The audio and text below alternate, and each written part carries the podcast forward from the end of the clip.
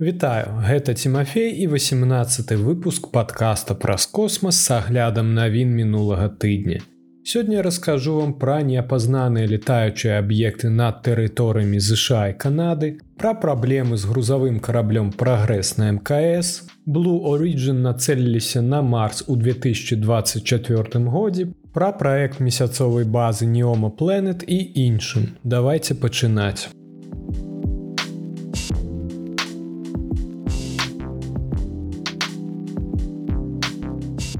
Адразу тры неапазнаныя летаючыя аб'екты над тэрыторыямі ЗША і Канады былі збітыя міністэрствам обороны ЗША на мінулых выхадных.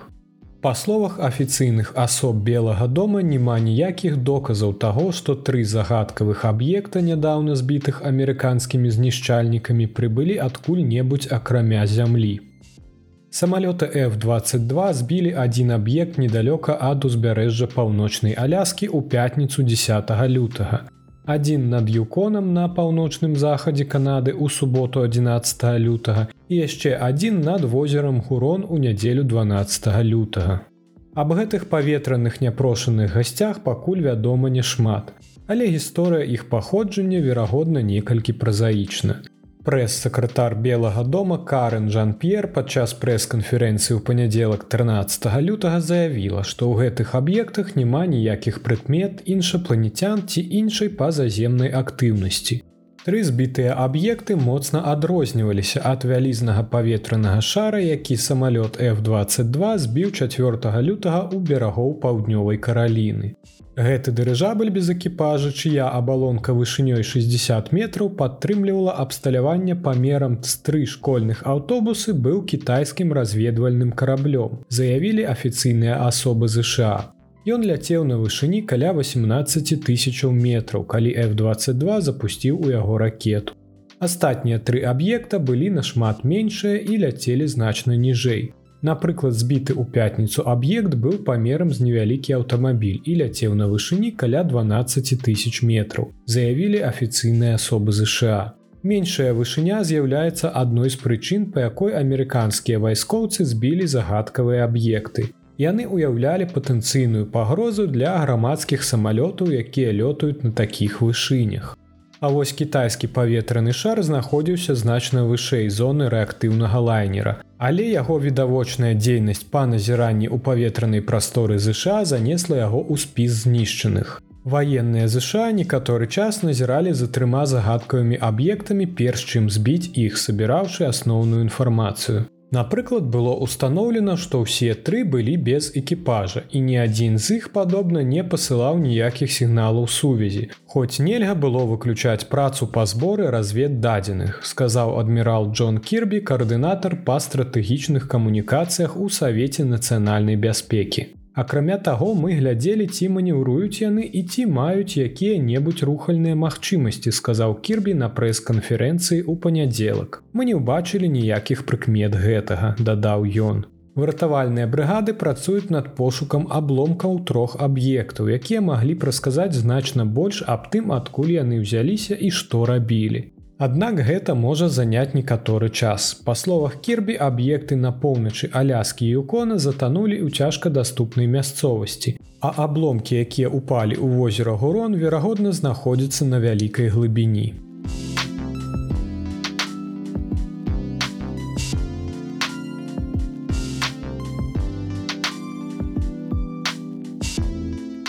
Расійскі грузавы карабель прагрэс на касмічнай станцыі даў цеч зноў.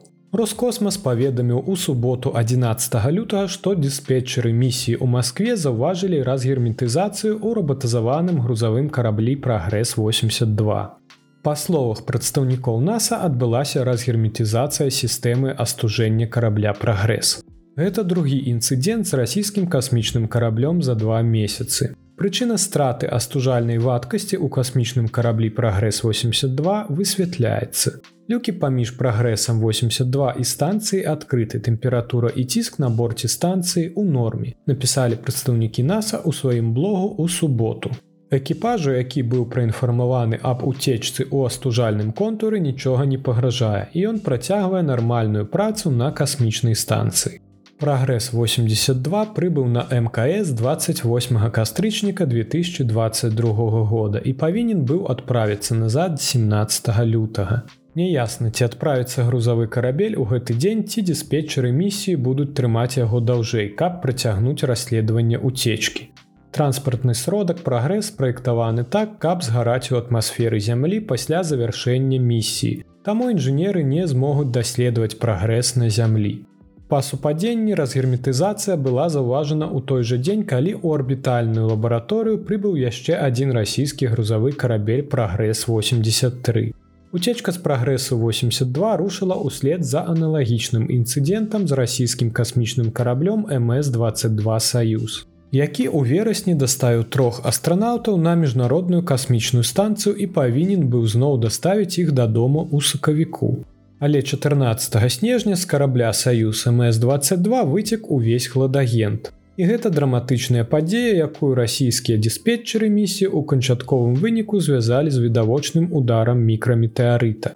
У цяперашні час гэты карабель непрыдатны для перавозкі астранаўтаў за выключэннем выпадкаў надзвычайнай сітуацыі на борце мкс. У сувязі з гэтым інцыдэнтам Расія адклала запуск замены карабля саюз на сакавік. Саюз МС23 будзе запушчаны з затрымкай у некалькі тыдняў. Карабель саюз прызначаны для перавозкі касманаўтаў, але гэты саюз МС23 будзе запущены без экіпажа. Ён стане заменай карабля саюз МС22. МС23 стане новай адпраўной кропкай для экіпажа МС22, у склад якога ўваходзяць касманаўты Сергей Пракоп'яў і Дмітрый Пятэлін і супрацоўнік NASAа Фрэнк Рубія. План прадугледжваў запуск МС23 з расійскага касмадрому Байканур у Казахстане 19 лютага, але зараз графік будзе зменены.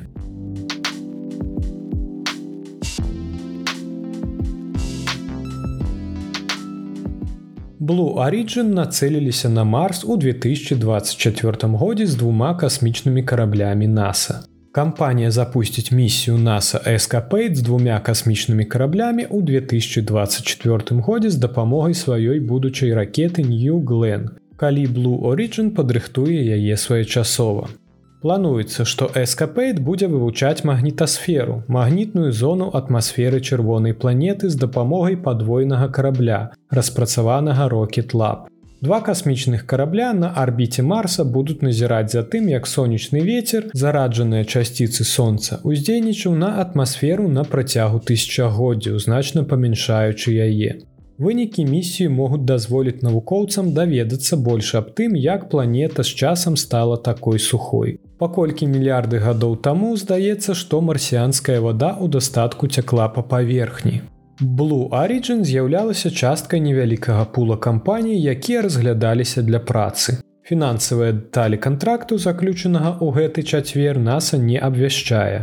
Але Space News паведамілі, што сума кантракта склала 20 мільёнаў долараў. Blue Origin запускае людзей і карысныя грузы з дапамогай субарбітальнай ракеты меншага памеру пад назвай New Shepard.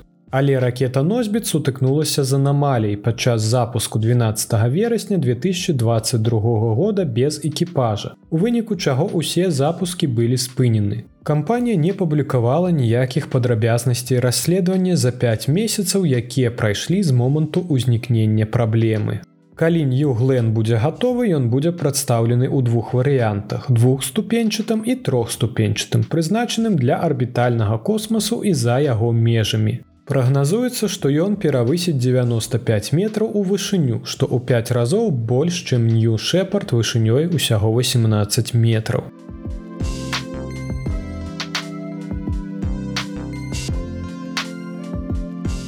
Надзіманая месяцовая база пнёма планет можа змясціць 32 астранаўта. Чалавецтва збіраецца вярнуцца на месяц, каб застацца, і ў нас можа быць спосаб жыць там доўга. Нядаўна NASAа вызначыла патэнцыйныя пасадачныя пляцоўкі паблізу паўднёвага полюсу месяца для маючых адбыцца місіі з экіпажам у рамках сваёй праграмы Атэміс. Але як астранаўты выжывуць у суровых месяцовых умовах. Адна новая прапанова можа дапамагчы ім у гэтым. Аўстрыйская кампанія Неомасел распрацавала канцэпцыю надзіманага пасялення на месяцы пнеома планет. Якая можа утрымліваць да 16 цяпліц і мясціць да 32 астранаўтаў. Неома планет гэта звышлёгкая надзіманая канструкцыя пакрытая рэгалітам, якая будзе працаваць незалежна вырабляючы і перапрацоўваючы уласны кісларод і ежу з выкарыстаннем сонечнай энергіі. Кажа Філіп Глезер, навуковы супрацоўнік берлінскага тэхнічнага універсітэта і суаўтар даследавання канцэпцыі неома планет. Таму ён можа служыць сталым месяцовым пасяленнем, што дазволіць розным будучым місіям выкарыстоўваць яго ў якасці базы, дадаў глазер. Асяроддзе пражывання абараняе ад касмічнай радыяцыі і мікраметэарытаў, забяспечваючы бяспеку экіпажа і павялічваючы працягласці місіі. Неамапланет атрымала фінансаванне ад еўрапейскага касмічнага агенства. Новае даследаванне мяркуе, што база будзе размешчана недалёка ад аднаго з месяцовых палюсоў, дзе сонечнага святла больш, улічваючы надзвычай невялікі нахіл 8 месяца. У ідэале пнеўмапланет павінен быць усталяваны побач з пастаянна зацянёнай вобласцю, дном палярнага кратара, які стагоддзямі знаходзіцца ў цемры і такім чынам можа утрымліваць вялікую колькасць вадзянога лёду. Архітэктарам і вядучым дызайнерам неамапланет з'яўляецца Томас Херцых, які таксама з'яўляецца заснавальнікам і генеральным дырэктарам пніўмасел. Герцых сказаў, што ён захоплены пніўмапланет і яго патэнцыялам для дапамогі будучым месяцовым астранаўтам, падкрэсліўшы, што ні адна іншая канцэпцыя пасялення не прапануе таго, што можа пніўмапланет. З пункту гледжання агульнага дызайну асабліва ў дачыненні да цяпліцы. Усе намаганні і энергія для 3D друку масіўных сцен і столяў не патрэбны, сказаў герцах. Самая важная навіна складаецца ў люстэрках, якія адлюстроўваюць бачнае сонечнае святло ў аптымальным дыяпазоне даўжын хваль у цяпліцу. У той час як усё шкоднае выпраменьванне часціц утрымліваецца ў сярэдзіне. Унутры гэтай цяпліцы мы можам самастойна вырабляць кісларод і прадукты харчавання натуральным чынам ад натуральнага сонечнага святла. А аранжарэя таксама з'яўляецца натуральнай жылой прасторай для экіпажа. Як заяўляе герцах у рэкламным роліку люстэркі пнеўмапланет будуць падымацца з дапамогай трубак з вугляроднага валакна, на якіх верцяцца магнітныя кольцы, якія будуць адсочваць напрамак сонечнага святла. Гэта дазволіць натуральнаму сонечнаму святлу праходзіць праз празрыстую плёнку і трапляць у цяпліцы з энергіяй 65 кВт што эквівалентна 265 ватам на квадратны метр. Ідэальна для фотасінтэзу, сказаў герцах. З улікам таго, што людзі павінны вярнуцца на паверхню месяца ў бліжэйшыя некалькі гадоў з місіямі Атэміс, узнікае пытанне, ці можа пніўмапланет стаць жыццяздольным інструментам для іх пасялення на месяцы. На што архітэктар і вядучы дызайнер адказвае. Нягледзячы на тое, што для прыцягнення ўвагі грамадскасці было выпушчана некалькі добрых візуальных месяцовых месцаў пражывання. Але да гэтага часу ні адна сталая і ўстойлівая месяцовая база не з'яўляецца часткай запланаванай місіі Атэміс. Тым не менш, NASAа намеціла планы па стварэнні некаторай інфраструктуры, патэнцыйна паблізу пастаянна зацянёнай вобласці на паверхні месяца, уключаючы пасяленне для чатырох чалавек як частку свайго аванпаста Атэміс Бейс Камп. Герцах таксама адзначыў, што гейтвей не будзе мець такіх жа пераваг абароны ад касмічнага выпраменьвання як міжнародная касмічная станцыя, паколькі апошняя круціцца ў межах магнітнага поля зямлі. Ён кажа, што яму шкада укладваць усе намаганні ў месяцовую касмічную станцыю замест таго, каб будаваць нешта на месяцы, дзе можна выкарыстоўваць рэсурсы месяца, забяспечыць лепшую бяспеку і камфорт для экіпажа, праводзіць эксперыменты і прамысловыя працэсы. Але паколькі місія Атэміс так шмат разоў адкладалася, магчыма, NASAа зменіць сваё меркаванне аб луна гейтвей і пастаяннай месяцовай базе ў будучыні, спадзяецца ён. А калі вы захочаце паглядзець на гэты праект, то вы можете знайсці спасылку ў апісанні.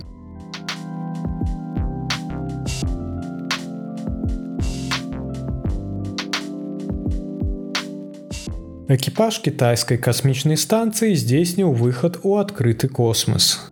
Кітайскае нацыянальнае касмічнае ўпраўленне паведаміла, што два тайканаўты прабылі ў адкрытым космасе каля сямі гадзін. За гэты час яны выканалі шэраг задач, уключаючы усталяванне дадатковых помпаў за межамі лабараторнага модуля Мэнцянь. Трэці удзельнік місіі Шэньшоу 15 аказваў дапамогу, знаходзячыся ўнутры станцыі. Экіпаж Шэньшоу 15 адправіўся на касмічную станцыю Тиангон летась 29 лістапада. Яны далучыліся да экіпажа Шэньшоу 14 на борце Тиангон, што азнаменавала гістарычную першую перадачу экіпажа ў Кіаі, так і пачатак этапу эксплуатацыі нядаўна пабудаванай касмічнай станцыі.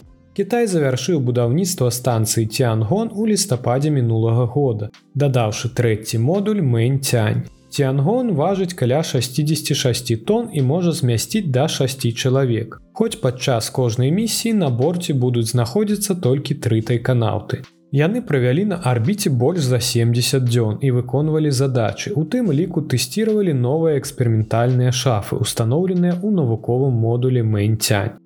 Тиангон нясе 24 навуковых шафы ў сваіх модулях. А члены экіпажа Шэньчжоу 15 павінны правесці больш за 100 навуковых эксперыментаў з выкарыстаннем новага абсталявання падчас свайго шасцімесячнага знаходжання на арбіце. Тайканаўты Фэй, Дэн і Чжан, якія зараз знаходзяцца на станцыі, таксама адсвяткавалі кітайскі новы год у мінулым месяцы і павіншавалі тэлегледачоў на зямлі. Па паведамленнях дзяржаўных сМ яны таксама ладзілі выставы касмічнага жывапісу і фота. Чакаецца, што Трыя зробіць 34 выхады ў адкрыты космас да заканчэння сваёй прыблізна 180-дзённай місіі. Тэрмін службы кітайскай станцыі складае ад 10 до 15 год. Калі МКС выйдзе з эксплуатацыі прыкладна ў канцы гэтага дзегоддзя, Тиангон зможа стаць адзінай дзеючай касмічнай станцыі.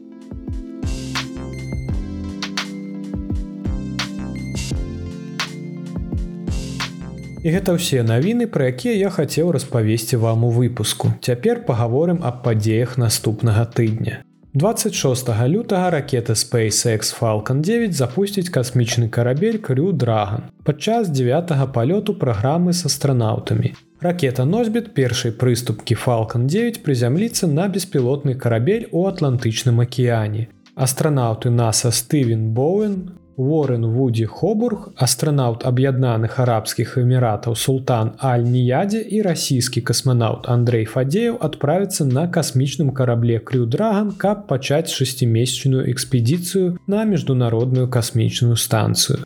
Гэта місія дапаможа NASAа падрыхтавацца да пілатуемых палётаў на месяц. Экіпаж правядзе даследаванні накіраваныя на прасоўванне будучага доўгачасовага жыцця за межамі зямлі. Паведамілі некалькі членаў экіпажа. Касмічная станцыя з'яўляецца выпрабавальным палігонам для місіі Атэміс, сказаў пілот экіпажа Уоррен Вудзі Хобург, астранаўт NASAа. Ён адзначыў, што на мкс праводзіліся выпрабаванні ўсіх відаў тэхналогій з таго часу, як 22 гады таму пачалося працяглае знаходжанне там астранаўтаў. Перапрацоўка мачы ў ваду вядомы прыклад, які ён прывёў. Але 69 экспедыцыя станцыі, якая пачнецца адразу пасля прыбыцця крю 6 будзе мець некалькі эксперыментаў, якія непасрэдна звязаны з даследаваннем месяца. Даследаванні ўключаюць мікраскоп, які можа працаваць на месяцовай паверхні. Пачнуцца даследаванні мікробаў на касмічнай станцыі, якія маглі б дапамагчы захаваць здароўе астранаўтаў на месяцы і эксперыментальныя сістэмы высокахуткаснай сувязі.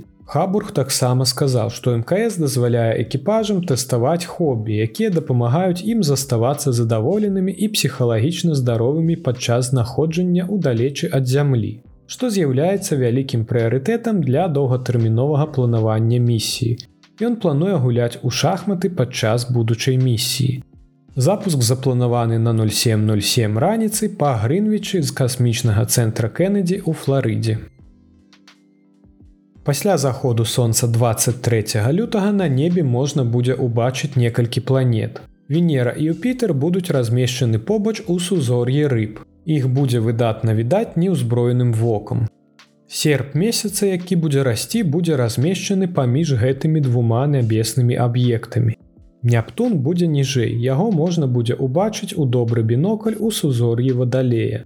Калі падоўжыць уяўную арку скрозь планеты вышэй у неба можна будзе заўважыць уран.